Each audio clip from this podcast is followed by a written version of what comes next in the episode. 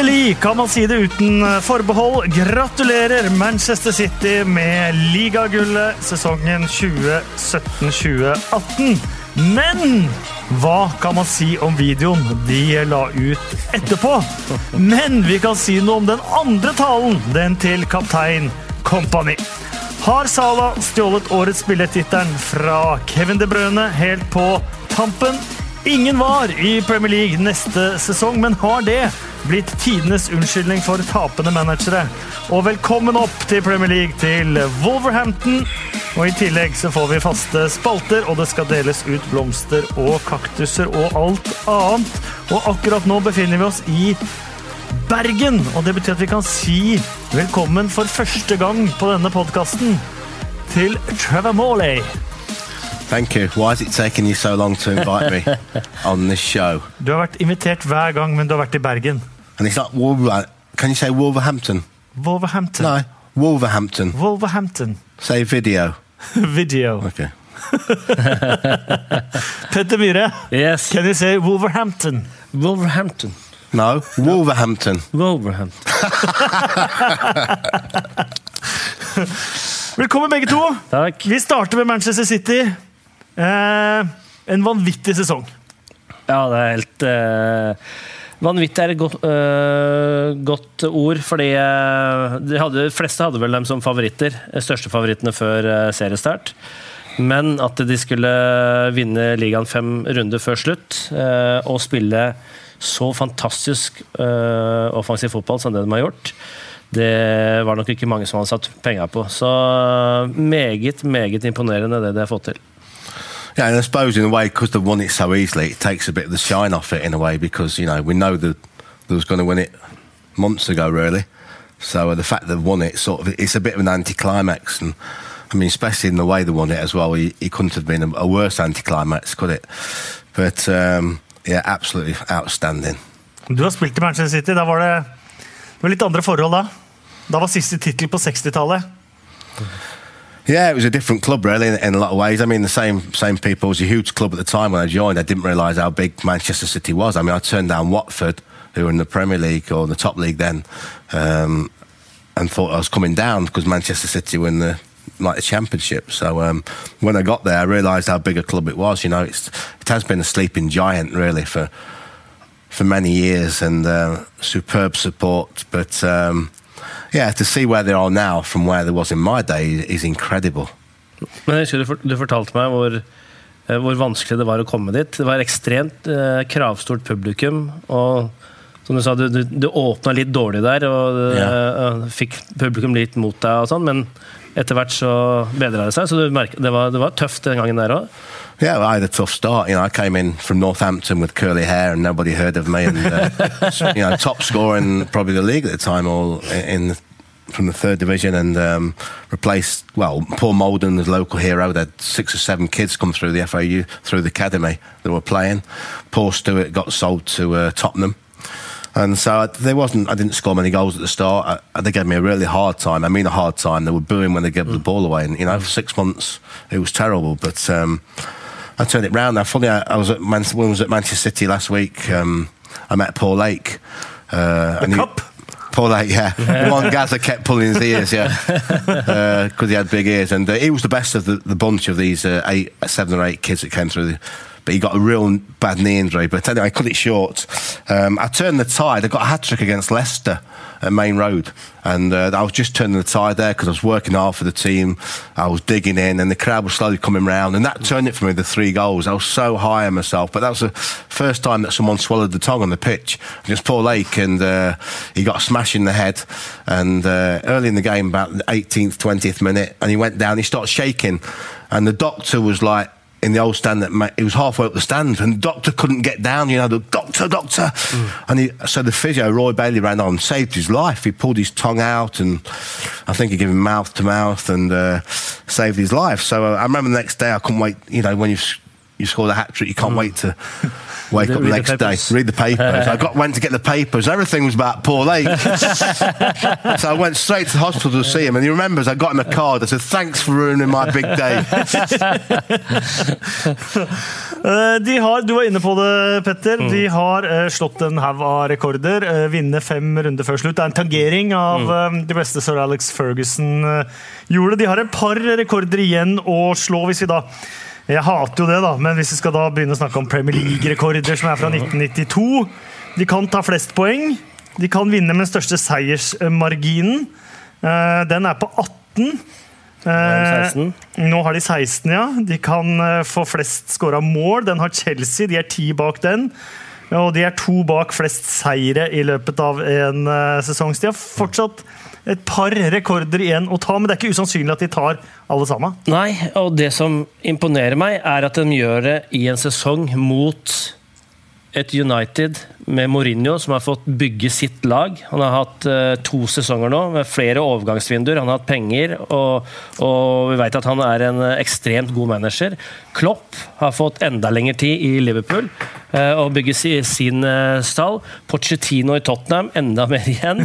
ikke sant? Og Chelsea eh, med Conte, som eh, tross alt vant ganske overlegent forrige sesong.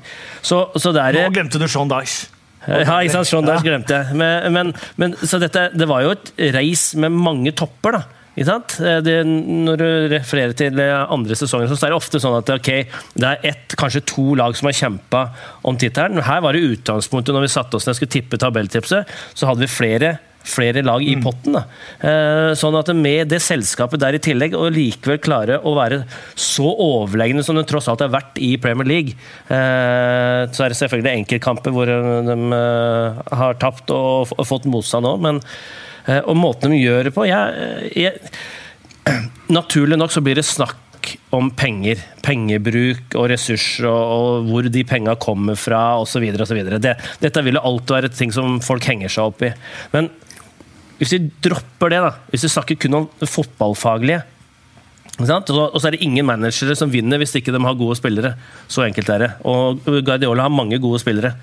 Men det å få de til å fungere sammen i et lag, det å få de gode spillerne til å bli enda bedre, det å få dem til å dra i samme retning Jeg leste, jeg leste en eh, artikkel her nå hvor, eh, hvor han eh, Jeg tror det var Mark Hughes ja, som hadde prata med ham etter kampen. Og hvor han sier at eh, ja, Hva er liksom en av hovedgrunnene til suksessen din? da? Jo, fordi når du har de to beste spillerne dine på laget, er de som løper mest. Sant? David Silva og Aguero. Nei, David Silva og De Bruyne. Hva skal de andre si da? Sånn? Og så skal de andre si at nei, jeg gidder ikke å løpe, jeg, for det, jeg er den beste spilleren din. Og så videre. nei, de to beste spillere, de to beste fotballspillere er også de som legger ned størst jobb for laget. Da er, har du et godt utgangspunkt som, eh, som du kan, eh, kan bygge på. Da. Og det er det å klare å få til det, skape sånt miljø, som jeg tror er mye av nøkkelen. Da. Og der er eh, Guardiola ekstremt dyktig. Yeah, I think I agree with that. I think it's the strongest Premier League. It's, it's almost almost gets stronger every year. But you got to say that those top clubs are really strong now. So for City to win it in this season, I think I think as well. You know, some of the areas he's addressed. I remember you mentioned it earlier. The goalkeeper Edison. It was a massive, you know, because he brought in Bravo, and you know, he had to say he wasn't good enough. And uh, goalkeeper's been outstanding. You know, Carl Walker, right back, been outstanding. You know, I think what I liked about Guardiola is he's improved players immensely. I think you, if you look on paper, I was looking at United, City. You don't see that vast difference, and I always remember Ferguson seemed to get the most from his players, and and he's done that. You know, you only got to mention Sterling. We'll probably talk about him later because um, to get what he get to turn him into the player he's been this season is outstanding. So I think, and the way he's done it, for me, being an Englishman, you know, when we've always been behind the times, we, people laugh at us because, you know, the 4 4 2, going to the World Cups and we're a disaster. You know, we never even pra- practiced to take a penalty, you know, and get, getting beat in penalty shootouts. David Batty took his first penalty at a World Cup, apparently. but, um, you know, so I think that's what he's done in the style he's done it for me is exceptional because um, grace, passion, skill, everything we love about the football. Vi må snakke om en annen ting òg, og det var da denne, dette ligamesterskapet ble sikret. Noe overraskende var det jo at eh, West Bromwich skulle tape, nei, vinne mot eh, Manchester United på Old Trafford. Så kom det en video ut. Jeg vet ikke om dere har eh, sett den videoen. Det er kanskje den. den mest plastikkvideoen jeg har sett noen gang.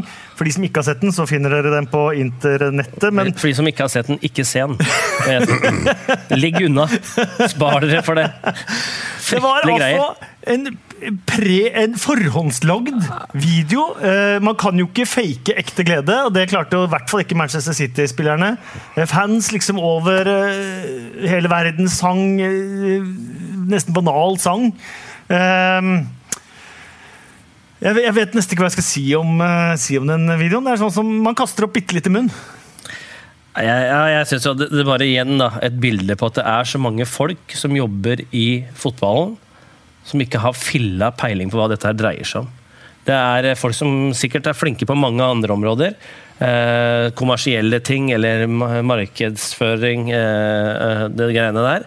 Men å lage en sånn greie, det er bare fryktelig. Fryktelige greier er det, faktisk. Og det som slo meg, det er eh, foran eh, Tottenham-kampen på, på Wembley, eh, borte mot eh, Spurs, eh, så advarte Guardiola dette er ikke kjørt. Vi kan miste dette her. Han nevnte Real Madrid, som for 15 år siden eh, leda fem runder før slutt, tapte fire av siste fem. Valencia vant ligagullet.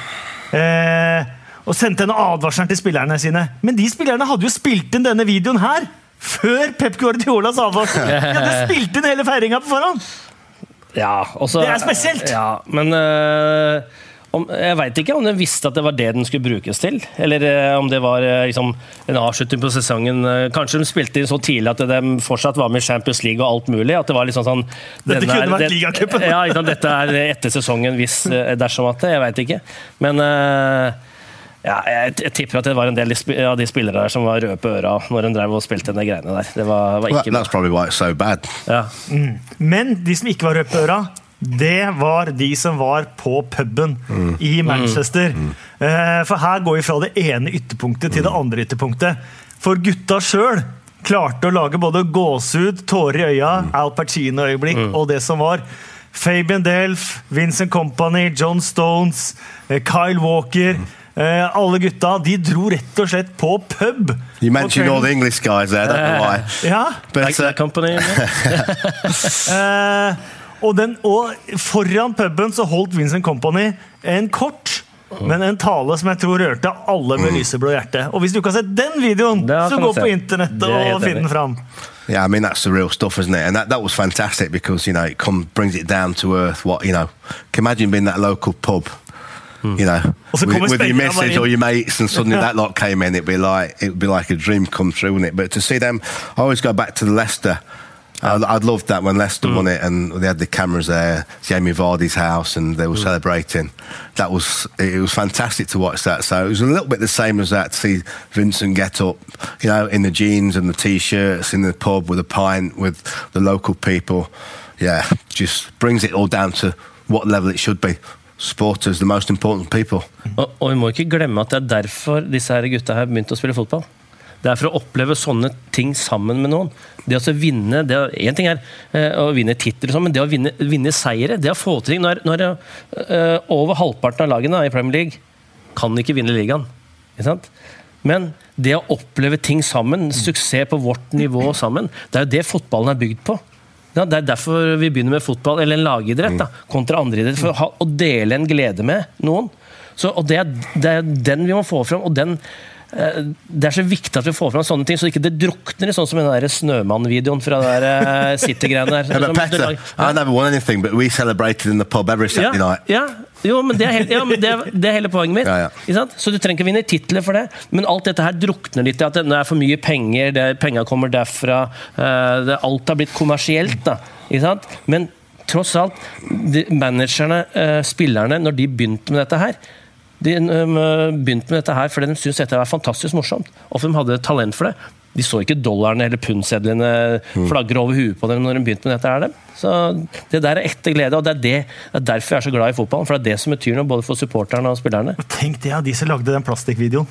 Og så kommer spillerne, så gjør de det helt ekte sjøl! Eh, helt til slutt, er det noen som kan eh, ta igjen eh, Manchester City neste sesongen, eller er det dette her vi kommer til å se de neste tre sesongene så lenge Guardiola er i England? Jeg, jeg sa før han kom, når han kom, før forrige sesong, jeg sa at hvis noen skal slå Manchester City, så må de gjøre det første sesongen. Da er det klart enklest. For når han får begynne å bygge, så jeg tror jeg på at det blir ekstremt bra. Men så er det noe med det å forsvare ting. Når du har vunnet en tittel, det å beholde sulten der eh, Du veit ikke hvilke kjøp de, de, andre klubbene gjør. Det, det, kommer skader inn her. Det kan hende at det nå for å gjøre Guardiola liksom den største eh, i, City, i City, så er, liksom, så er det Champions League nå. Det er flere som har vunnet Premier League. Så liksom det, altså, det, kan hende den flytter fokuset litt, gjør ting annerledes. Så, så forhåpentligvis så blir det jevnere neste år. Men det er, det, det er, vanskelig å forestille seg at det er noen andre enn Manchester City som er favoritter når vi starter sesongen. Og Så får vi håpe at det blir jevnere. Så vi håper at det, kanskje at City gjør det litt dårligere og de andre gjør det litt bedre. Så det blir, blir spenning. Men, men, City blir jo laget å ta. Det er ikke noe tvil om. Og Det var det første Company sa òg. Han har aldri vært med på å forsvare en eh, ligatittel. Det var uh, Vi må uh, eh, komme oss til matchen som eh, avgjorde ligamesterskapet til slutt. Eh, det var det ikke mange som hadde sett eh, for seg. Manchester United, West Bromwich 0-1. Eh, West Bromwich har da vunnet på Old Trafford og Anfield denne eh, sesongen. Anfield riktignok i cupen, men eh, ser fortsatt ut som de rykker ned. Men jeg var der, og jeg fikk den følelsen før kampen.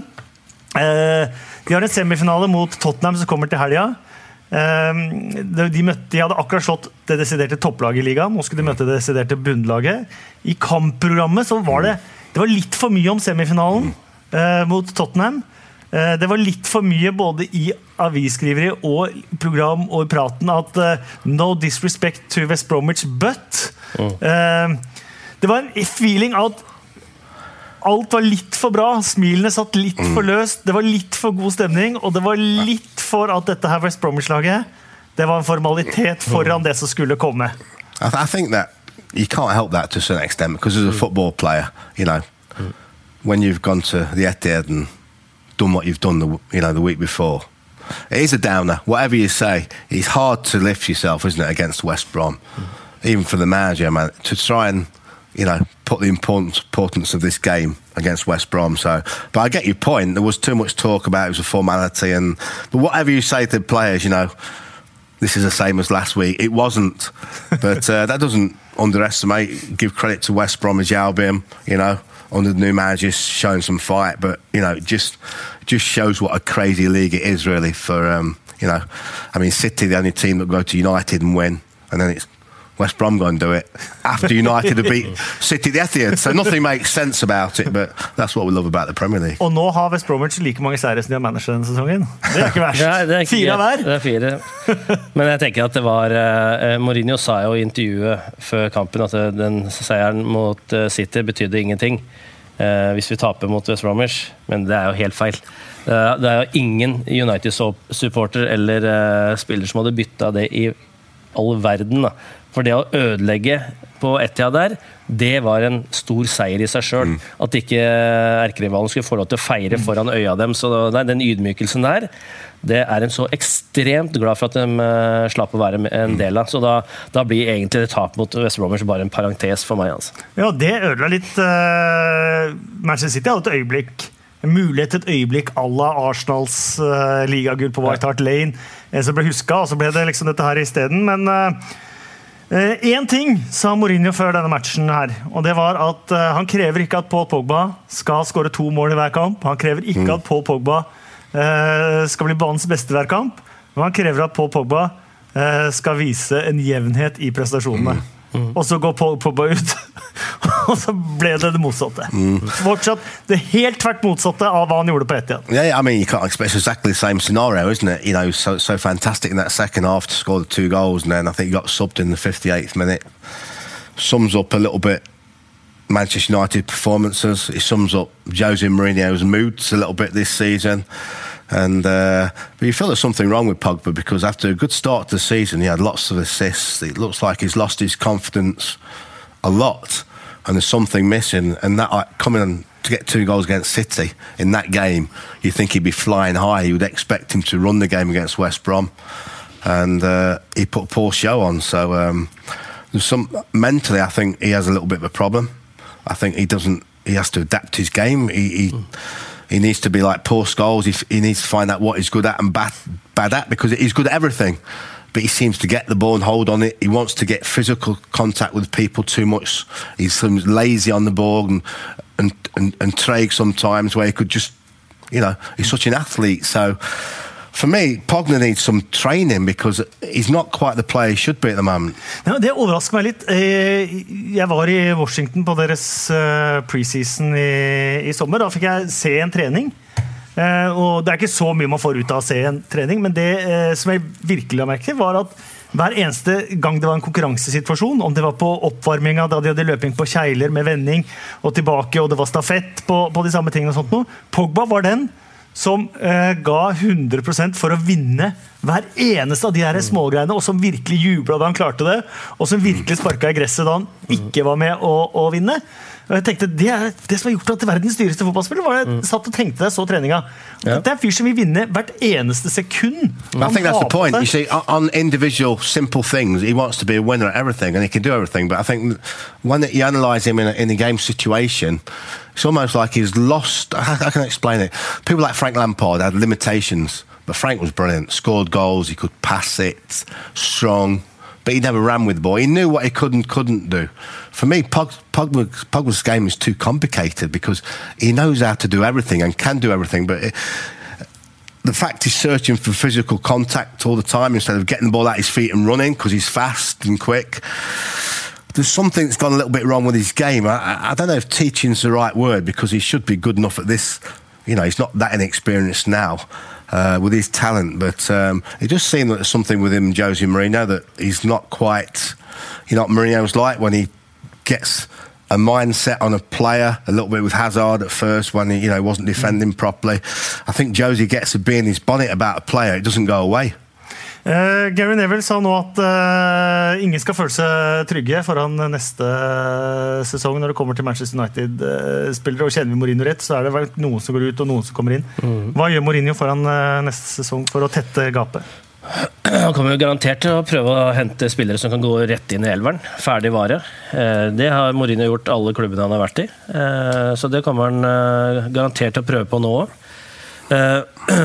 Men først og fremst så tenker jeg at han viktigste jobben hans er å få den gjengen der til å fungere som et lag. Det er, det er lagidrett. Ja, du har eh, Barcelona med Messi. Du har verdens beste fotballspiller. Du har Ronaldo som, som er verdens beste målskårer. Du, du har noen sånne lag med, med sånne spillere, men, men uansett så må laget fungere optimalt. Eh, og jeg syns ikke laget i Manchester United har fungert optimalt. Jeg syns ikke han har fått maks ut av det spillematerialet han, han har til rådighet. Så ja, han kan gjerne forsterke laget sitt, eh, men han må få den enheten til å fungere bedre. Eh, Jeg, jeg etterlyser litt mer eh, spilleglede, offensivitet. Vi har- sett de gangene hvor Manchester United har hatt litt sånn kniven på strupen. Se, se borte mot Crystal Palace, mm. sånn, hvor de hiver litt, hiver litt alt over bord. Så vi, ser vi hvor ekstremt bra fotballaget det er, også offensivt. Eh, mot City i andre omgangen og ikke hadde noe å tape. Når de først får ting til å flyte da, så ser vi potensialet deres. Jeg føler at vi har sett Resultatmessig så har sesongen eh, i Premier League vært veldig bra. Vinner de resten, så er de nesten Ikke sant? oppe på det som har vunnet Ja, ligamesterskapet. men, men jeg syns ikke resultatene stått, prestasjonene har stått til resultatene. Så jeg mener at de har mer å gå på i prestasjonene sine. Så å få ut maks av det han har til rådighet, det syns jeg eh, han har noe å gå på. Så ja, gjerne spillere inn, men først og fremst få enda mer ut av de han har der. Og det er det vi snakka om forskjellen kanskje med, med Guardiola. At han har videreutvikla mange av de han har henta. I United så er det ikke så mange som Det er noen som har blitt bedre. Lingard uh, f.eks., som har tatt eh, kjempesteg. Uh, Og så, så er det noen som har stått litt sånn på stedet hvil. Og det, jeg tenker at det, det blir en ekstremt viktig jobb for han å kanskje bygge litt på det derre ja, Hvis du klarer å skåre tre mål borte mot Manchester City, da, med kniven på strupen Kanskje det er en sånn der tankevekker som får til å angripe de, eh, de bortematchene litt annerledes eh, neste år. For jeg tror at det, eh, det kan bli en sånn der, en liten sånn tvangstrøye for en del av de gode offensive spillerne der, hvis det er forsvar først. Ikke sant? Og så vil han alltid bygge det på sin filosofi, og det er det han, det han har hatt ekstremt suksess med. Men så forandrer fotballverdenen seg. Og når de Manchester United-spillere da ser hvordan uh, Manchester City spiller til tider, hvordan Liverpool spiller til tider, hvordan eh, Burnley. Tottenham, Tottenham, ja, Tottenham spiller til tider og sånn, så, så, og de vet at vi, vi er i utgangspunktet like gode som dem, vi. Liksom, hvorfor kan Vi er bedre, til og med. Ja, ikke Kan se på Ja, på tabellen Ja. så er de jo bedre òg. Yeah, I think it's finding that balance. I think Petter said it on there. You know, I think he's done a good job because let's not forget where United were over the last few years. Yeah. They- They've been struggling badly. So I knew if Josie was the first one to tell you about how many points and how far they got in the cup, etc. And uh, I think what Josie's very good at is that, that defence. You know, he makes his teams hard to beat. That's the first thing he does. Now he's got to find the balance of getting a bit to, back to the old Man- Manchester United way with some more attacking, some more flair. Um, but you know, you can only build one brick at a time. And what we mentioned earlier was this is probably the strongest Premier League, you know, sort of top six, top four, whatever you call it, for a long time. Yeah. City has City had an amazing season, so he's done a really good job. I think Jose Mourinho wants to spend big. I think he he'll be going trying his best to say we're the biggest club in the world, whatever. We're bigger than City. Let's show. You know, we we need to spend some money and get the big players in. Vi må til eh, Anfield. Der har ikke Liverpool tapt hele sesongen, eh, faktisk. De gjorde det ikke i helga heller. Da slo de Bournemouth eh, 3-0. En av de som skåra, var Mohammed Salah, og det syntes vel i 90 minutter at han hadde tatt et personlig del i eh, Kanes uh, tilriving av eh, den skåringa mot uh, Stoke. Han tweeta jo da Kane fikk kreditert skåringa. Wow, really?! og han var vel- Bitchy. ja, og det var vel et par ganger Bournemouth han skøyt istedenfor å sentre det. Såpass uh, ærlig må vel også Sala være. Men skåringen hans, da. Ja. Oh. Well, Hurricanes. Harry Kane, fantastisk. Uh, nei, headinga til eh, den uh, Han viser at han kan score på alle mulige måter. Ja, og det er jo Det er noen ganger sånn ting som er umulig å forutsi. da. Det var jo umulig å forutsi denne sesongen til Salah. Alle visste at han var en god fotballspiller. Uh, alle visste Ikke Chelsea-fansen. Nei, men eh, Jo, den mister det, dem òg. Men, men, men eh, at, han, at du skal komme til en, eh, en ny klubb, da. Og selv om han hadde vært i ligaen, så hadde han ikke så mye positive opplevelser fra forrige gang han var der. Og det å da liksom knekke på en måte alle koder. Og så veit vi som har vært i den bransjen her, at det er noen ganger at det, det ene tar det andre. Akkurat som motgangen, at du, du blir mye dårligere enn det du er. Så i medgangen så kan du liksom overprestere gang etter gang. For, for du føler at det, hver gang du har ballen, så føler du at du kan score. Og sånn har uh, Mohammed Salah hatt det nå. Var, det kom jo en sånn statistikk her at han var det var bare tre-fire uker siden, at han var den som hadde misbrukt flest store muligheter òg. Men, men, men det forteller jo at han, han er jo ekstremt god på å komme seg til de, eh, i de posisjonene. Og da vil du også bomme mye? Fordi du får så mye sjanser. Men eh, det han har levert eh, denne sesongen, her, det, det er helt vilt. Jeg sa jo, jeg tror jeg fikk spørsmålet rundt juletider. Liksom at eh, Vil dette vare? Og så er det nei. Det vil ikke vare. Han, han, ikke, han kan ikke ha det skåringssnittet der gjennom hele sesongen, men det har han pokker meg klart. Altså. Det, er, eh, det er mektig. 30 mål har han i eh, Premier League. Han passerte 40 totalt, første siden Ian eh, Rush. Han er to mål bak Roger Hunt, som hadde 42 mål. Og han er syv bak klubbrekorden til Liverpool, som også er Ian Rush sin, som har stått i 35 år. Eh,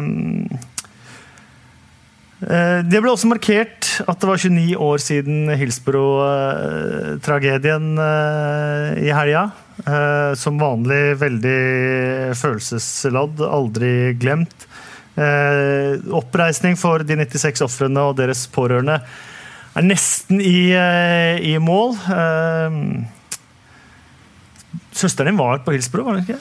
Yeah, she, obviously in, in the forest end, which uh, yeah, so um, that was a bit tough because it was before like you know real mobile phones and stuff. So you struggled, or they were just coming out. Then it was difficult to know what was going on. You know, you don't get the news come through like you do nowadays instantly. So, um, but yeah, it was you know to be at the end must have been tragic to you know to, to watch it as well. I mean, I think everyone forgets that Forest were there because um, you know the tragedy happened at Liverpool then, but um, You know, there's a few people in Nottingham that saw it happen, and you know, to this day, you can't believe that people could die that way. So, um, Så er det noen som, eh, som har stått på fantastisk. Ann Williams, eh, som var mor til en som omkom. Hun døde jo selv nå i fjor av kreft, men fikk akkurat oppleve at de fikk oppreisning og, og, og, ble renvasket da, før hun gikk bort. Det var jo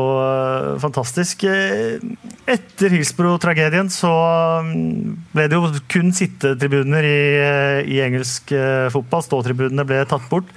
Den diskusjonen er jo veldig oppe nå, med safe standing, som de har i Celtic bl.a. Um, veldig mange klubber er nå for å, å, å endre, sånn at man kan få deler av tribunen med disse, den nye teknologien av ståtribuner.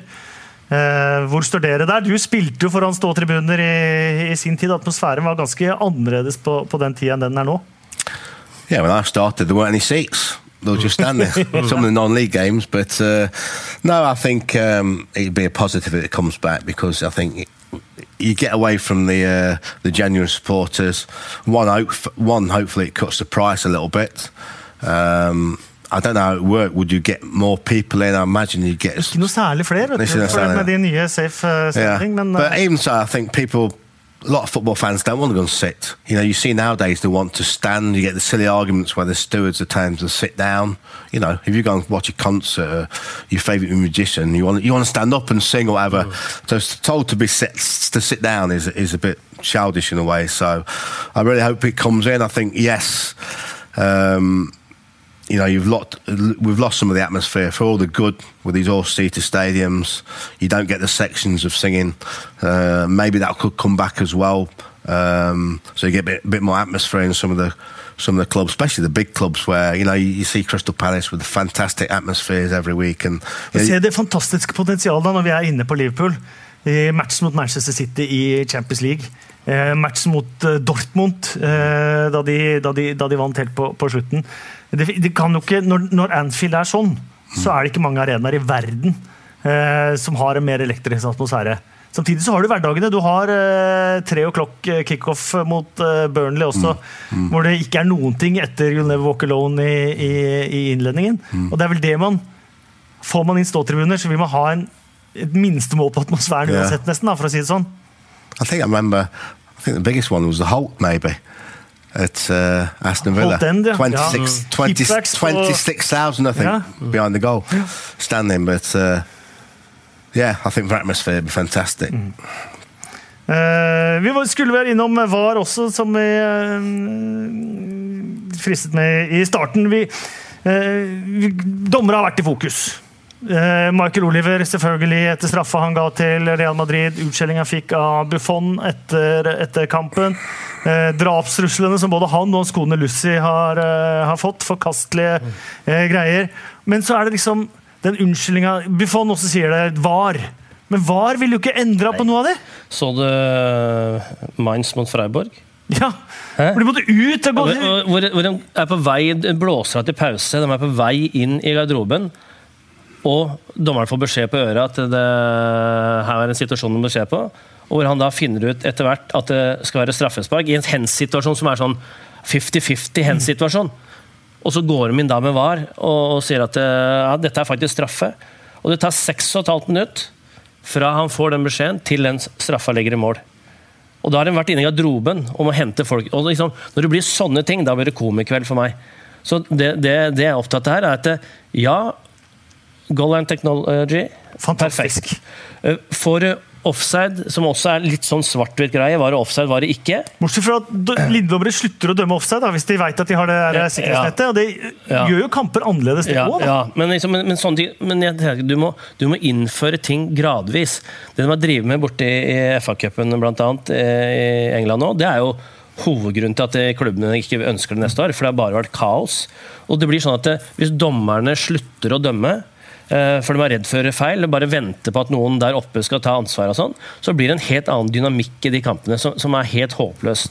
Eh, Så liksom, Å tro at det var er liksom løsningen på alt, da blir alt rettferdig, det er null trua på. Men hvis vi kan ta en del sånne ting som sier at ok eh, eh, klare, soleklare feil. Da. Det er jo de vi er ute etter. De Ja. som på en måte alle på tribunen alle ser at det, her bomma dommeren. De må vi kunne ta. Ikke, sant? det er jo- ikke alt, alt mulig annet. Og Det er det de sier òg, Ja. når de skal innføre at de skal ta. Men, de, Jo, men de, men da det, ender det ikke, det. det ender jo ikke der noen gang. It can't be opinion based. That's the thing. You know, I think okay, given the ref, even giving the ref a second look, it's a little bit dangerous. But um, Og hens situasjon da på St. James' Park, bare hvis vi innom det vi kommer til den kampen. Eh, på stilling 1-0 til Arsenal. Dommere er uenige etter kampen. De fleste sier yeah. det er ikke straffe. Arsene Wenger får spørsmål om situasjonen på pressekonferansen. Og det første han svarer da, er å det er så dumt at vi ikke innfører VAR i Premier League neste sesong. Ja, men det, det er det poenget at du, Blitt de der-. Ja, men de, der, de situasjonene som går på synsing når, når til og med dommerne sitter og er uenige, dem, dem må vi bare legge bort. Mm. Da er det han som er dommeren på banen som bestemmer. Og så lenge han har tatt en avgjørelse, så forholder vi oss til den.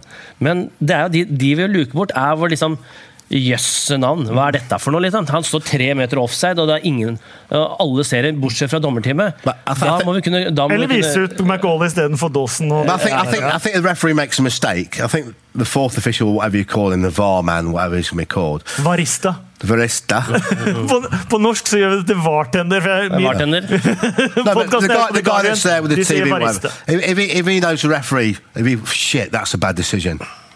I think instantly he could tell him. So there's not, not no delay, you know, because referees sometimes make terrible decisions. Um, then, I think he could be told. I, I think there's a future for it. I think because if you look in other sports, it's quite exciting. I, I know it slows the, do, the the game down, and many people say, "Oh, you know, it's killing the game." But also, when you get used to it, the crowd are looking forward to the decision. You see it in cricket, you see it in tennis. Is det it er in? helt Is andre, it, Ja, men det er det er helt I know it's a little bit andre different. pauser i, i de idrettene. Amerikansk fotball no, but it's got to be a little bit quicker. But don't you think the two sets of crowd, goal or no goal, and they're waiting and goal, hooray! and the other ones are like, du tar oh. bort litt av jubelen for vanlige mål. Det har jeg opplevd sjøl, faktisk. I Mm. kamp hvor det er VAR involvert. Ser at øyeblikksjubelen blir litt reservert. Mm. er, kan VAR bli involvert her? Eh, Og, og, jeg, og jeg tenker at det- de, de må fjerne alle mulige barnesykdommer før en begynner å bruke det i de viktigste kampene. At en kan starte å innføre det i eh, U17-VM eller den lavere divisjonen. Ja, whatever. hvis du lurer på hvorfor jeg smiler nå, så jeg, du kan glede deg til VM. Ja, jeg veit det. jeg vet det. Men, men- men blant annet har eh, Klattenberg fortalt her at de, det var jo en situasjon her eh, Var det i FA-cupen? Det var i hvert fall en situasjon. Jeg tror det var i England. Eh, eller eh, ja, fader, Var det Tottenham ja. Rochdale? Nei, nei, det var i hvert fall, det var i hvert fall en situasjon da hvor reprisen, TV-bildene, viser at det, dommeren har bomma. Ikke sant? Så alle ser det. TV-seeren og alle ser det. Men de som sitter i VAR, da, det, det panelet, de har bedt om å få, ja, få andre bilder. De vil ha egne kameraer, har de bedt om. Så de får jo ikke det, se det TV-bildet som viser at de har gjort feil. Så derfor så sier de at avgjørelsen er riktig. Was it was it a penalty when he kicked it twice? Was one, the one earlier this season when someone took a penalty and he slipped and kicked it twice. Men, men, men poenget, når, når, jeg er, når jeg er så høl i huet at de ikke engang tar med de bildene som seerne får se, da tenker jeg at det, ja, men da er det feil folk som sitter og bestemmer om dette skal være med eller ikke. Ja, hvis, du ikke har, hvis, du ikke har, hvis du ikke skjønner det engang, da tenker jeg, hvordan kan vi ta det på alvor da? Og, og det, dette jeg sagt, at det, ja, verste er at det, når man skal innføre noe sånt noe, som man vet er det delte meninger på, eller delte meninger om, så må man treffe med inngangen. For hvis du bommer med inngangen, så blir det vann på mølla for alle de som er uenige at det skal innføres. Og så blir det bare verre og verre og verre. Og da vil det være sånn at hver gang det oppstår en situasjon, så blir det sånn ah, nå igjen. Det blir sånn som når du ikke får kofferten din vet du, på, på Gardermoen, på flyplassen. Og du, liksom, du har vært der 100 ganger, da. Og så er det den ene gangen hvor du ikke får kofferten din, så er det sånn ah, typisk, mister kofferten igjen. Ja, men de 99 andre gangene, da gikk det bra, da. Men den du husker, er den dagen du ikke fikk den. ikke sant? Og sånn blir det litt med de greiene der òg. Du må treffe med inngangen. Vi kutter var eh, der. eh, så må jeg bare si at eh, vi tar ikke copyright på Varista. Det får Guardian gjøre. Men vi innfører vår egne i Norge. At det er han dommeren som sitter inne i VAR-bussen, det er VAR-tender. Den er rund. Eh, Newcastle 2-1 mot Arsenal. Fire strake seire. Sikker plass. Eh, på forhånd sa vi kanskje de to svakeste spillerstallene i Premier League. Huddersfield og Newcastle. Dere kan godt krangle meg på det. Eh, men uansett er det en enorm prestasjon av Rafa Benitez. Yeah, amazing. I mean, um, whoever doubted him? I mean, they've been down near the bottom, and um, it's been. I think it's been tough for him because uh, they had a great start to the season, and they end up looking in a bit of trouble. So to get up uh, the forty points now, four straight wins, great for Rafael. Great for Toonami. Ja. Can they build from it? That'll be the next question. Can uh, will he get some money? Will they back him? Otherwise, I think he'd walk away. I think he's too good a manager to be stuck there doing the same job again next season. But yeah, when you look at the playing stall um, to get him up to that position and safety, job well done by Benitez. Take your hat off to him. And you, let's not forget when you talk about managers, we just met, you know, Petter mentioned the top managers in the Premier League. He's another one, really. Yeah. Han sier jo dette er også en av de største prestasjonene hans. Han har selvfølgelig Champions League-triumfer som tr trom trumfer dette her. Eh, men det kan sammenlignes med det manageren har gjort helt i toppen. Ja, absolutt. Og Hadde Guardiola gjort det bedre med Newcastle? Nei, det er Får vi aldri vite. Nei, det får vi aldri vite. Så det er jo egentlig en uinteressant diskusjon. Uh, fordi Shit question, Casper. Shit question. ja, ja, men det er litt sånn, jeg tenker at Vi må måle managerne ut fra der de er. da. Uh, og, og da er det også sånn at uh, vi må berømme han for å ha gjort en fantastisk jobb. Jeg tror det var eh, vi, Ofte så måler vi eh, statistikk, da. I hvert fall i dagens verden så, så ønsker alle å få svar på alt. Skal, der, alle tror at ting er et mattestykke. Det er fasitsvar på alt, men fotballen er så uendelig mye mer enn det. Så når folk leser statistikker, at han har så mye assist, han har så mye mål, han har, han har redda så mange ganger, altså, så tenker man ikke på ja, hva er grunnen til dette her. Er det for øh, en keeper som da er veldig god på streken, som står på øh, et lag hvor han får mye skudd på seg, som øh, er overkommelig, ja, da får han mer redninger. Er det en keeper som er stadig vekk utenfor 16-meteren og avverger potensielle situasjoner, så får han mye mer, færre avslutninger på seg. Ergo kommer han dårligere ut på statistikken. Mm. Og Sånn er det med trenere òg. Hvis man bare måler etter de som har vunnet titler, så, så er det tre-fire mann som er med i kåringa hver gang. da. Rundt omkring i, verden. Eh, Og det er derfor mange sier sånn som Hvem er det som har påvirka har størst påvirkningskraft på fotballen? da? Bielsa er jo en sånn type manager som ikke kan sammenligne seg med Mourinho og Guardiola og disse her når, når det kommer til titler. Men han har hatt en enorm impact, som engelskmennene sier, da, på det å, å utvikle spillestil. Ikke sant? Han har påvirka fotballen i ulike retninger. og- det er jo Det finnes jo mange trenere som er like dyktige som disse topptrenere her, som aldri kommer til å vinne en ligatittel. I think as well, just the goalkeeper and Kennedy, he made two great signings as well. Kennedy, They, they weren't like that big of signings, but I think the goalkeeper's been outstanding, and Kennedy has given them something they lack. So uh, that's- he just it's- tweaked it a little bit right time. Og når du skal kåre årets trener og sånn etter en sesong Vi kommer der akkurat dit nå, for det er neste oppspillet. Vi bare kvitterer ut Arsenal. Jeg tror ikke Arsenal-fansen vil høre noe særlig om Arsenal heller. Eh, null poeng på bortebane i 2018 etter nyttår. Eh, Grimsby og Watford har ett. West Bromwich har fire. Eh, Arsenal har null. Eh, Eneste trøst er at, eh, jeg fortalte at, de ikke har, at Watford ikke har skåra mål på bortebane under Grazia. Da. Men eh, vi går da til Burnley. For det var kampen om sjuendeplassen, kampen om siste europaligaplassen. Antakeligvis, med mindre Southampton vinner uh, FA-cupen. eh, Som var Burnley mot Leicester. Burnley vinner 2-1. Har ni poeng ned til Leicester, og nå har de bare to poeng opp til Arsenal. Og diskuteres hvem er årets manager. Og de skal møtes. De skal møtes, og man diskuterer hvem er årets manager. Er det Sean Dyche eller Guardiola? Godt spørsmål. Uh, oh, ikke shit question! Nei, nei det, det, for det er igjen så liksom må du ta med ting Sette ting i perspektiv. da Eh, Og ikke bare telle poeng og, og sånne ting. Men jeg ville sagt Guardiola fordi måten de har spilt på.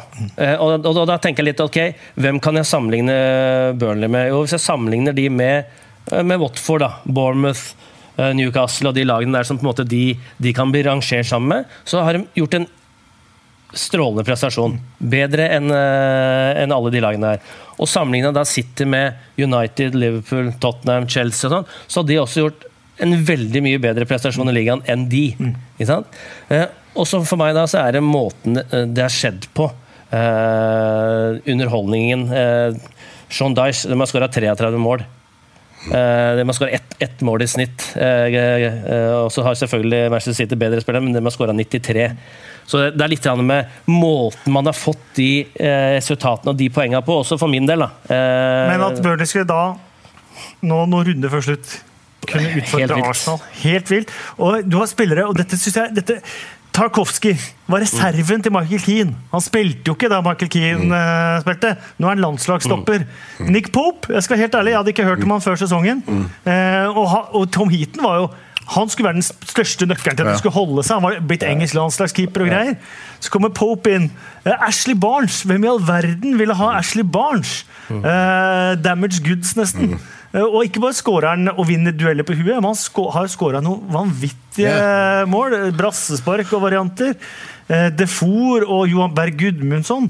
Eh, det, har noen, det har vært noen helt utrolige historier. Bare ta med Matt Loughton, som eh, var helt avskrevet som høyrebekk da Aston Villa rykka ned. Yeah, you don't forget that you know people have plucked supposedly the best players from Burnley over the last couple of seasons as well. Uh, Keane and uh, what's the forward went to Watford. Um, Ja, Ings. Charlie Austin har jeg også. yeah. So um, yeah, they replace them very well. I think you know you said you asked Petter can City do this next season? Possible. Can Burnley do this se- next season? I don't think so. I think it's a one-off, but um, Man, you, t- you take your hat off it because um, whatever you say, it is.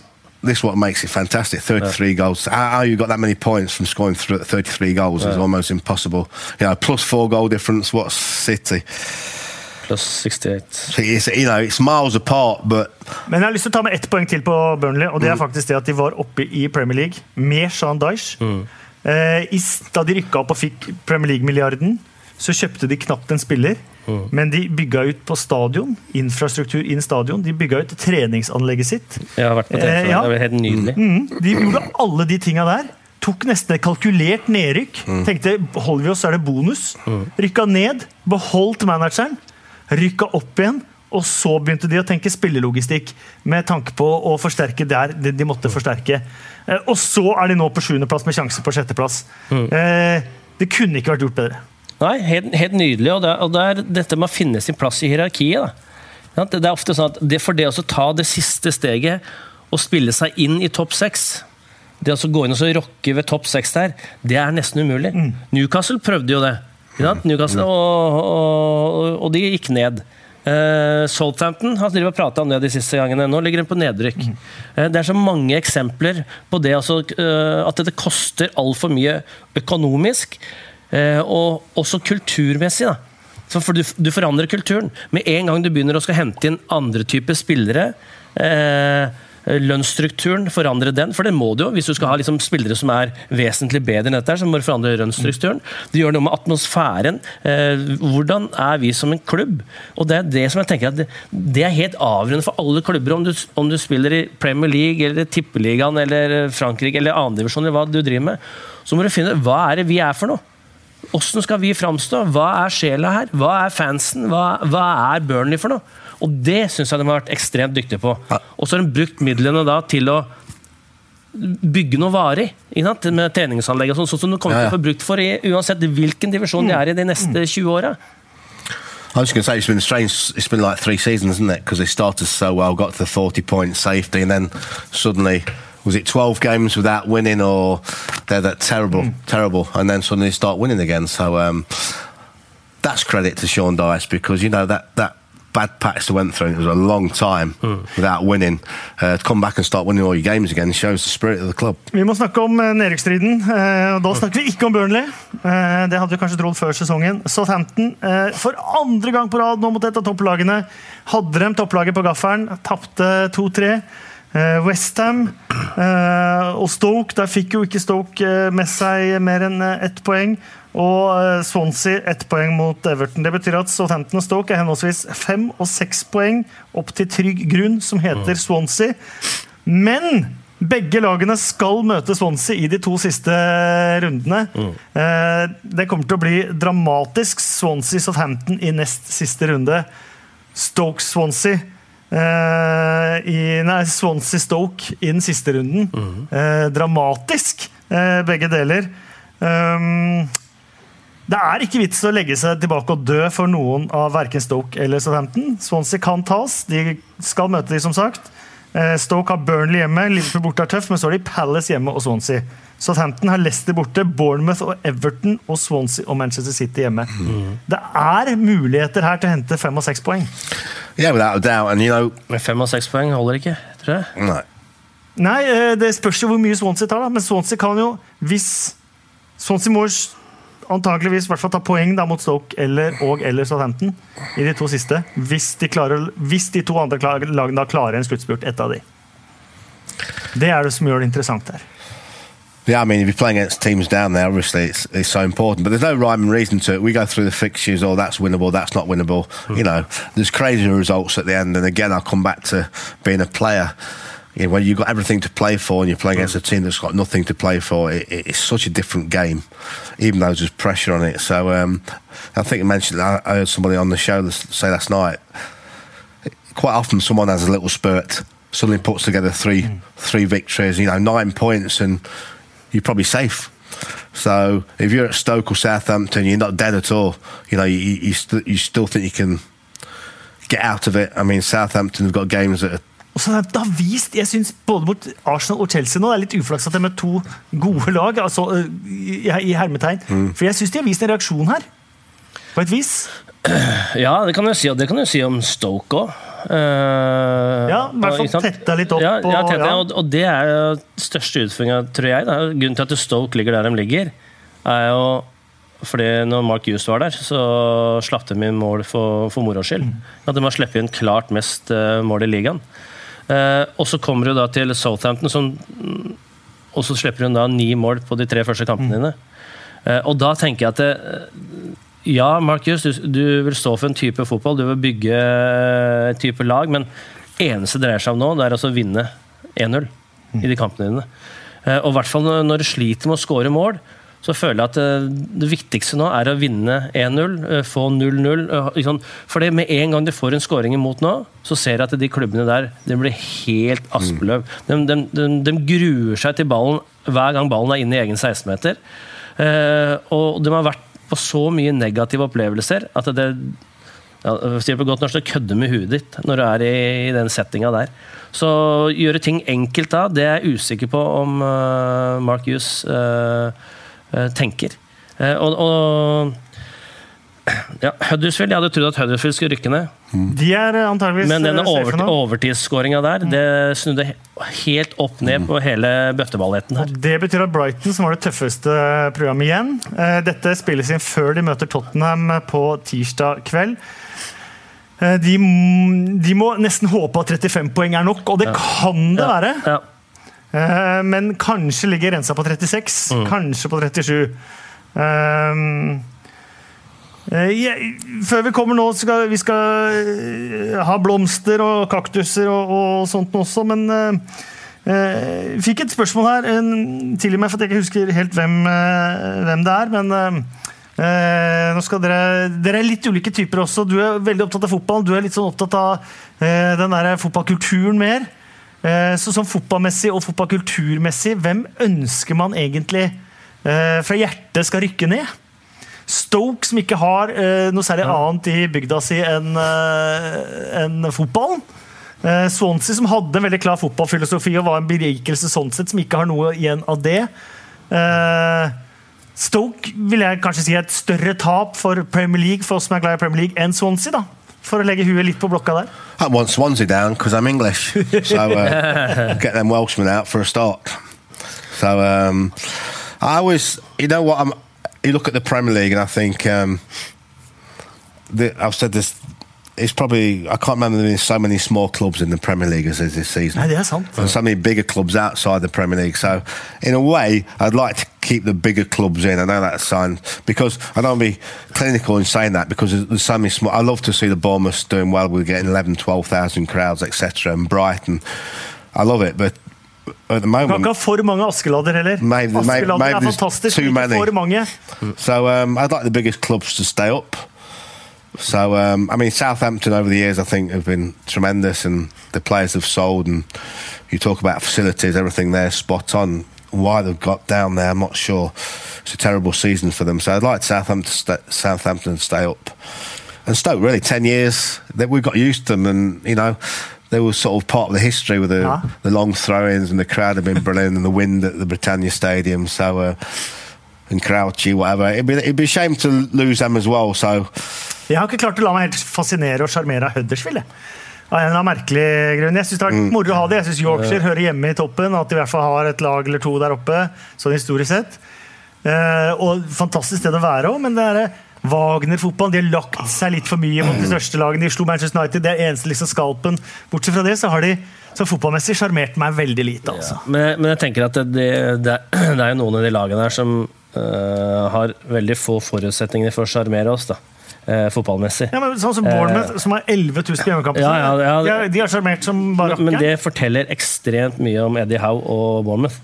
Eh, og det var litt sånn Swansea kom opp på. Mm, definitivt, definitivt. Eh, så, så, eh, så det, men jeg, jeg er mer der at eh, Jeg har ikke noe sånn at jeg håper de holder seg, de rykker ned, sånn, men jeg er mer der at eh, jeg syns det er deilig hvis de med dårlig klubbdrift rykker ned. Mm. At den får svi på pungen for at de eh, ikke oppfører seg som idioter. Da, og tror at dette her er en PlayStation-greie eller fotballmanager. eh, For det, Så good riddance, West Bromwich.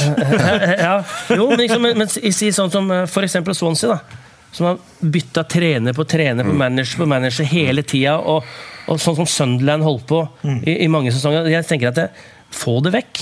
For, det, for, det, for vi har blitt, det Samfunnet har blitt nå sånn at det er sånn bruk-kast-mentalitet. At Og nå, jo flere av dem som driver med det, som lykkes, så tenker jeg at da blir det i hvert fall mer av det. in saying that, we want Palace to stay up because Yeah. I don't know something about. It always seems to get entertained by Palace. We talk, talked about the home crowd, but they changed the manager quite early, Petter. Ja, ja, men, al- ja, men poenget er at alle i Bonner har gjort det.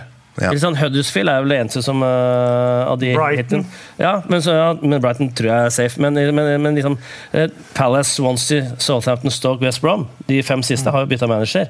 Så, liksom, så da, da er jo hipp som happ. Men jeg tenker sånn over tid. Ikke sant? Eh, flere av de lagene her har drevet og surra sånn over tid. Stoke har tross alt beholdt Mark Hughes i, i mange sesonger og funnet, ut at ok, nå er det på tide med noe nytt. Og det er, har jeg null problem med. Eh, Southampton har jo blitt tvunget til å finne nye trenere noen ganger. Fordi Pochettino ville videre, Koman ville videre. Så liksom, så, så Men det de sparka Puel etter åttendeplass i Lia-cupfinale. og, Da har det blitt ja, for grådig. Og, ja, og da har det blitt for grådig. Og da tenker jeg at det, så, sånne som gjør sånne type avgjørelser, det, det gjør meg ingenting at de, eh, de får litt. Og apropos det, så skal vi ha laget opp uh, også. eh, kan nevne Cardiff, eh, som alle har avskrevet egentlig helt siden de fikk den fantastiske starten i august-september. Har alle sagt nei, Cardiff holder ikke, men Cardiff holder jaggu meg koken med Neil eh, Warnock. Vi hadde en god Neil Warnock-prat forrige gang, så vi trenger ikke, det, trenger ikke det nå. Men vi ønsker Wolverhampton velkommen opp, i hvert fall. Det gjør vi. Og jeg håper at det er noen andre enn Warnock som skal trene Premier League neste år. Han eh, har jeg null sansen for som manager. Så, Men når du har så- sagt det, så skal jeg slå på et bitte, bitte, bitte litt slag for Warnock. Det blir hans åttende opprykk hvis de rykker opp. Ja, ja. Det, er, Og- og- men- det er rekord. Det er, Men for meg så er det hele eh, pakka. Ja, er helt Filosofien, enig. eh, atferd, eh, spillestil. Hele den pakka der som ikke, ikke er meg. da. Ja. Og så har vi heldigvis forskjellige syn på ting, men for meg Jeg vil mye heller ha Fulham. Så jeg, jeg, jeg elsker Craven Cottage. Vi, får Stefan Johansen Ja, ja. der. Jeg ville mye heller hatt det.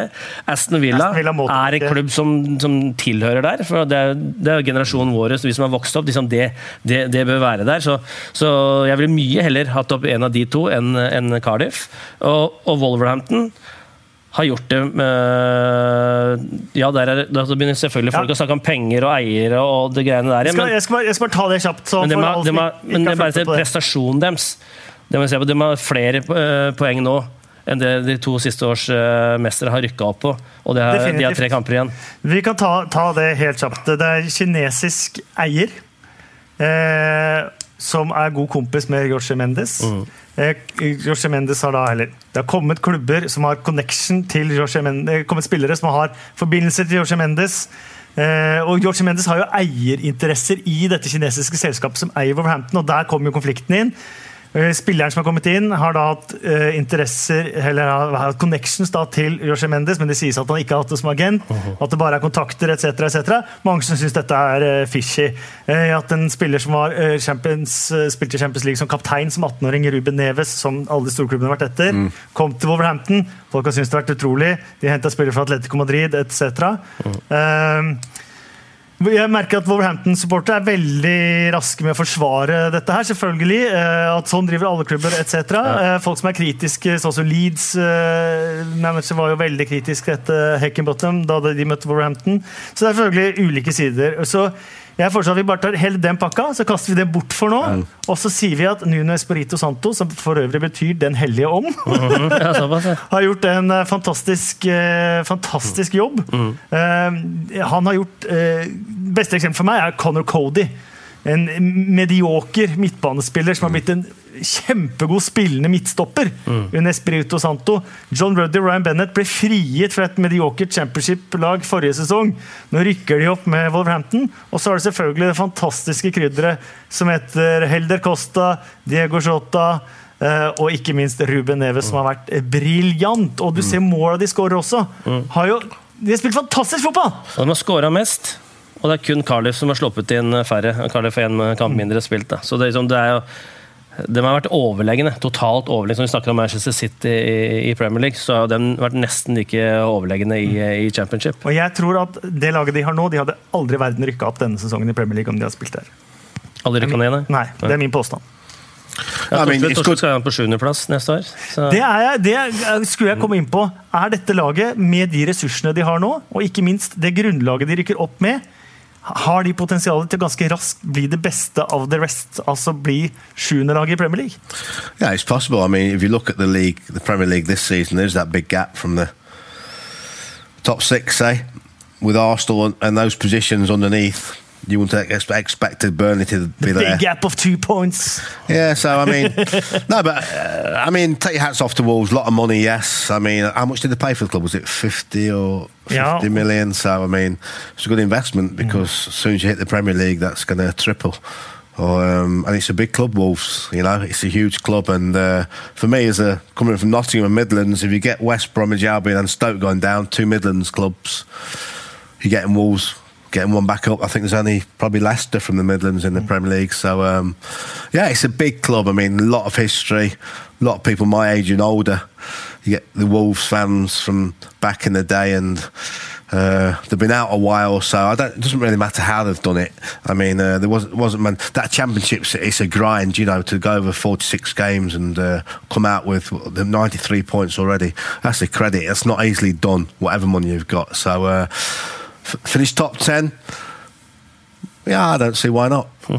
Eh, og så skal vi bare, før vi avslutter eh, championship-runden her også, bare Det laget som kommer inn, hvis de kommer inn i playoff i best form, som har tatt eh, 29 av de 36 siste mulige poengene å ta, og som kan møte Westham i Derby neste sesong i Premier League Millwall? Millwall! Oi, oi, oi.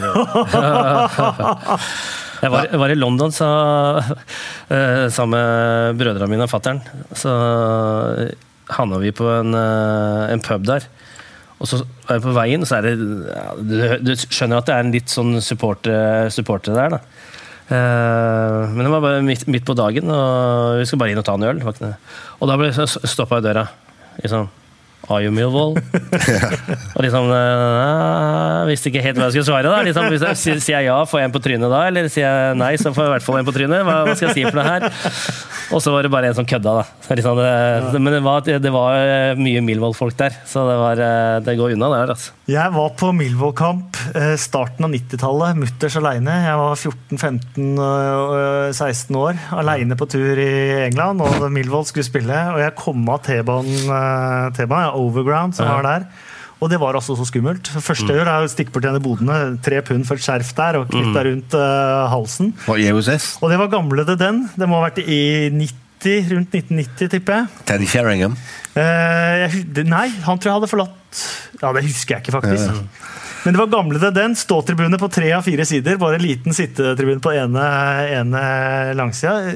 Egentlig trivelig når du kom inn der, og disse pøblene som er veldig hyggelige når det kommer en eh, 15 år gammel gutt aleine fra, fra Norge. Men utrolig røft. Det har vært på nye det den etterpå. Det er ikke i nærheten av så røft, selv om det er røft der òg. Men for deg som er eks-Westham to ord om bare et sånt derby. Hva ville det gitt Premier League? De sjarmerte jo øverste divisjon da de var oppe sist. De hadde mange fantastiske kamper da de på slutten av 80-tallet der i, den øverste divisjonen.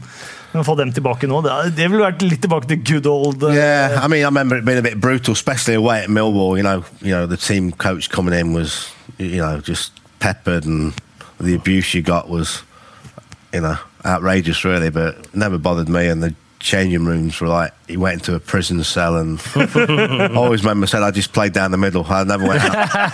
I never went out to the wing once. Tok al- tok aldri noe innkast eller corner eller noe I got enough abuse, abuse anyway, so, so um, I, I kept to the middle of the pitch. Men apropos det, de møtte jo Leicester i cupen i fjor. Og Steve Morrison, spissen til Millwall, som er så Millwall som han får det eh, i spillestil, han mente jo det at Ben Chilwell, venstrebekken til, Milmo, nei, til Leicester, ikke turte å gå ut og ta innkastene. Og Chilwell etterpå sa han hadde forstua en finger. Nei, ikke Han ikke Det innkastene. Eh, og de rykker opp The Millwall Way, og de rykker opp med en legende som manager også. Neil eh, Harris, en spisslegende i Millwall. Så litt sjarmerende er det. Vi eh, må eh, dele ut eh, blomster eh, fra sist runde. Det var moro å se på. Morata var kjempegod. Hva i all verden? Er. Han snakka ikke om seg sjæl, han snakka om dommeren. Har dere tenkt dere ut noen eh, kandidater til å få en eh, god blomsterbukett eh, fra siste runde? My, mine goes to Sterling. I think um, I'm sick of him getting abused, really. I think he's done what's he got? Seven, 16 goals or 17? 22 eller 23 totalt. Eight, eight assists. I think um, I think he's really grown this season. You know, he's still a real, real young man, and he came there with a massive price tag, and no one believed in him. And uh, he has got his faults. I'm not saying that, but I really, I really think he's improved so good. I think on the ball, his time of his run into the box, his strength, and his goals. You know, uh, everyone seems to laugh when he misses one, including you, Casper. No, then- lo ikke, just- no, even like you know, if he has to, we'll say if he has to think a little bit, then he's not the greatest finisher. But I always say if you're getting chances, you'll score goals. You know, no one slags anybody off for not missing chances. If, if you if you're a striker or a forward player and you're getting chances, exactly what we said about Salah. We, we all saw at the start of the season he was struggling to, he was getting in the right positions, but he wasn't finishing. So for me, I think. Um, he Du sender ham blomster fra put- Bergen? you could see Sterling after the game, he was pissed off with himself because he'd missed a couple of chances. He's still got a goal, there's still one, and he, he should have made a better pass when they on the breakaway later. You could see how angry he was with himself. So, and give Guardiola some credit. So, um, for me, a young man that's had some Yes. critic, give him Blomster some. til Stirling. Den er vi enige om. Rundens øyeblikk. Eh, For meg så var det Jay Rodriguez' uh, scoring. Eh, og du så med alt dette her i forbindelse med rasismeanklagene med Bong mm. og, og, og slike ting eh, at dette, dette var, dette var eh, emosjonelt, og, og ikke minst så er det den fjerde seieren de har denne sesongen. Ja, og så tenker jeg at det er eh, det å klare å mobilisere såpass når du, er, eh, når du har rykka ned alt, det, det, er, det er en bra prestasjon. Mm. Så jeg skjønner jo tankegangen der. Og det å havne i sånne settinger som han har vært nå, uavhengig hva han har gjort eller ikke gjort om Han ble jo frikjent. Ja, Altså, det er ja, men, eh, men uansett, selv om han blir frikjent, da, så vil den alltid henge med en. Ja. Og det er det som er så ubehagelig med de rasismesakene. At du, det, det vil hefte med deg Det skal også sies at dette panelet sa heller ikke at Bong har sagt noe feil heller med at det ikke kunne bevises sånn òg. Eh, Sånn at jeg har ikke lyst til å ta stilling til hva som Nei, ikke, nei, ikke men bare si at det er ubehagelig sånne ja, situasjoner, uansett. Eh, Man så jo at ting som, det ikke skjedde bra ting, for det så man jo på eh, Han brukte jo hender og nese også i, i gestikuleringa si. Så, eh, men uansett, et, et veldig spesielt øyeblikk var det. One other one as well. Say on this footballers, uh, we talk about VAR and, te- and goal line, goal line technology. I think was it Alfie Molson when they cleared it off, off the line and he tried to say the ball hadn't. Yeah. It was that far over. and the goal like technology, and he was going. Do you see him? No goal, no goal. Det er vanskelig å protestere på de eh, nå. Eh, Den ukjente helten som vi alltid kårer, den eh, har jeg kåra nå. Der får ikke dere stemmerett, faktisk. Okay. Det er Terry the Terrier. Ja, maskotten. Maskotten til Huddersfield. Jeg vet ikke om dere så det. Han ga opp. Ja. Minutter satt før på slutt. rumpa bak dørlinja der. Han satt på rumpa, rista på hodet. Dette her hadde han gitt opp. Og da de scora, så jubla han så enormt, og spillerne kom løpende mot han. Han sto klar til å ta det imot, og de løp rett forbi han og ferja. Terry the Terrier. Han får eh, min ukjente helt. eh, eh, Kåring nå. Kaktus. Har vi lyst til å gi noen kaktus? hva kan det være? Uh, Jeg har lyst til å gi den til Mike Dean. og A, ca a cactus. Ja, What do you mean? Cactus på engelsk, det er ikke så Oh, vanskelig. Uh, ja. okay. uh, altså den derre til eh, Marcos Alonso i knehasene Mm. på Shane Long. Det er så klart rødt som du får det. Han sto tre meter fra, han kunne ikke unngå å se det. Uh, da var stillinga 1-0 til Southampton. Da hadde Chelsea blitt ti spillere. Marcus Alonso, som hadde assist på Mm. første reduseringa til Giroud, var involvert i de to andre målene som Chelsea skåra. Det kan ha kosta Southampton plassen at Mark Dean ikke gjorde det. Ja, den- We're going round in circles. Let's go back to. Ja, men, men skal, ikke, skal, ikke den, skal ikke den etterforskes? Jeg tror det var det Jo da, det ut kan godt- tiltale mot, uh, Kan godt hende mot. Alonso får uh, karantene for eh, det. er That's why we come det. back to VAR. Someone sier seg instantly. Drit i VAR! Vi er ferdig med VAR! Jeg gir kaktusen min til Martin. Dean. Eh, vi skal ha noen fun facts. Arsenals syv siste. Aldri skjedd. Første gang siden er den sjette spilleren. Fun factsene til Bill Edgar. Uh, Bill Edgar har uh, hans faste spalte i The Game i The Times, som jeg pleier å dra med meg. Jeg har ikke vært der de to siste gangene. Ok, Så jeg måtte- Ja, nei, det kan han ikke være. Han har ikke vært på Twitter ellers. Jeg lurer på om han har hatt ferie eller Eller feber. Eller ferie eller feber. Ja. Eh, Så jeg har funnet et par selv. De fem siste års ligamestere nå med Manchester City har hatt blå drakter. Det er den lengste tørken for røde drakter siden de ikke vant ligaen mellom 1958 og 1963. Ok. Så røde drakter er virkelig ikke on the roll. Ja, Engelske manager Ja, røde skoene, er det inn, eller? Røde sko. Du har veldig røde sko, ja. Ja. Ja, Eh, ja jeg syns Yeah, både for de women, yeah. Jeg synes dere har fine sko begge to, faktisk. Jeg liker de der Du har fått kjøpt disse i Bergen, i Bergen om to-tre år. Uh. Engelske managere vant ligaen hvert år mellom 1976 og 1985. Siden 1985 har de kun vunnet ligaen to ganger, i 1987 og Howard Wilkinson i 1992. Uh, Arsenal har tapt sine fem første bortekamper i ligaen i et kalenderår for første gang siden 1925. Burnley har vunnet fem strake ligakamper i den øverste divisjonen for første gang siden 1968. Og Mark Hughes kan bli den andre manageren som rykker ned med to klubber samme sesong. Eh, Billy McNeil med Aston Villa og Manchester City 86-87 er den andre. Mark Hughes has lost three times to Chelsea this season. Ja, det har han også gjort. Hans tidligere klubb. Og så hadde Bill Edgar en tweet i dag, faktisk. For første gang han tweeta på veldig lenge. Okay. Og det er at det er syv forskjellige tittelvinnende managere på syv sesonger nå i Premier League. Ja. Og det er første gang det har skjedd siden krigen, faktisk. Det sier litt om eh, de utskiftene som har vært, og at, hvor vanskelig det er å eh, gjenvinne, holdt jeg på å si, og ta, ta titler to år på rad. Vi raser oss til Twitter-hjørnet. Uh, Andreas Haugedal uh, hørte podden for første gang i uh, Nei, hørte podden, podden først i dag. Eneste person som traff på tipset sitt angående Champions League-kvartfinalen, var Felix. Gleder meg til å høre neste podkast. Bjørn Vestblad tvitrer eh, rundens øyeblikk forrige gang var eh, Erik Thorstvedt sin East Five-greie. Hva var det? Eh, det var uh, Forfar og East Four, Fife. five, five, East five, four. All the way round. Ok. To skotske klubber. Den gode four. gamle måten å lese opp resultatet på på BBC. Mm. East 5-4, 4-5-5. Four. Okay. Ja. Eh, Bjørnar Fjelde han eh, er nesten like opptatt av Norwich som eh, meg. Jeg jeg beklaget med Norwich-involveringen sist. Nå har vi klart en helt Norwich-fri podkast, men Fram til nå? Fram til nå, det er Bjørnar Fjeldes eh, tweet. eh, Opprett en egen Norwich-podkast bak eh, betalingsmur, du, og se hvor mange som lytter. Poenget mitt er egentlig å snike det inn her hvor faktisk folk eh, ikke er interessert. Ser du det? Ser du det? Stine Andreas Bensti, veldig eh, imponert av sammenligningen til Simen Sandstrøm Møller angående Neil Warnock og Mrs. Richards fra Faulty Towers. Um, og for de som ikke har sett likheten, så gå inn og gjør eh, det.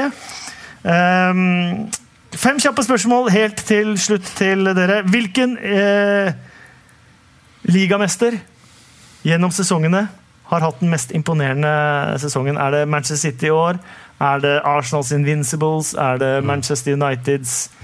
Eh, 99-0-0 var vel veldig stor. Eh, Liverpool hadde vel eh, 88-89 år. Imponerende. Hvilken er den mest imponerende ligamesteren? Nottingham Forest came up from the championship and won the first first time and won the European Cup. Uh, Petter? Leicester. Nei. Du har sagt Forest. Du må stå for det. Ja, men Da må jeg si Leicester. Da sier du Leicester. Ja, den er jo enkel. Eh, blir Wolverhampton topp ti neste sesong? Ja. Mm, ja, da sier jeg nei, da. Det er så kjedelig å si samme. Vinner Liverpool Champions League? Uh, pff, åh, Pass. nesten. Ja, det er nesten umulig å si. Da, for da, hvordan er de laga er ja når de møtes? Ja, og- det er enkelt. Hæ? Yo. No? Ja, det er, Yo. det er, Yo! Nei, det, Yes. det enkleste er å si nei, da, for det er jo 25 sjanse. The Hva joint, tror fa- joint favourites, aren't they? Sammen med Real Madrid? Bayern? No, but they're more favourites than Bayern Munich. The joint favourites because of the draw, yeah. Da svarer du nei, og du ja. Ja, Det er ingen, ingen, som, så- ingen som hørte hvem jeg pekte på nå. uh, burde Peter Crouch være med til VM? Nei. Nei. Holder Brightons 35 poeng for å overleve i Premier League? Yes. Ja. På grunn av målforskjell. Good goal difference, yeah. Flott! Uh, Trevor, hvordan syns du det var å være med, være med i podkast? Yeah, I enjoyed it, Casper, to be fair, surprisingly. I wasn't, I didn't have high expectations. But, no, I always like working with you because you're full of life and energy and you love football. So uh, always a pleasure to work with you, Casper. So I blow a bit of smoke up your ass there. Syns du det var hyggelig å ha med Trevor i podkast, Petter? Jeg elsker å ha med Trevor. Jeg tar den her i studio. Det, blir sånn, Trevor er gode, gamle skolen. Snakker rett fra levra. Har opplevd eh, mer enn oss to til sammen. Så jeg syns det er gøy. I'm not sure that's a compliment.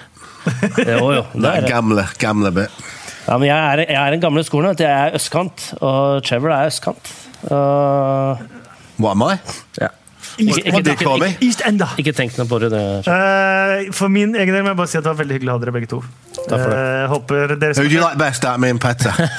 Who do you like best? Si Trevor, da. Eh, siden, det er din debut, Ja. siden det er din debut, eh, vil jeg si som i enhver debut at du klarte deg veldig bra. Det er beste, beste du har hatt. Det beste ja, du har hatt. Vi klarte til og med å holde på en stund.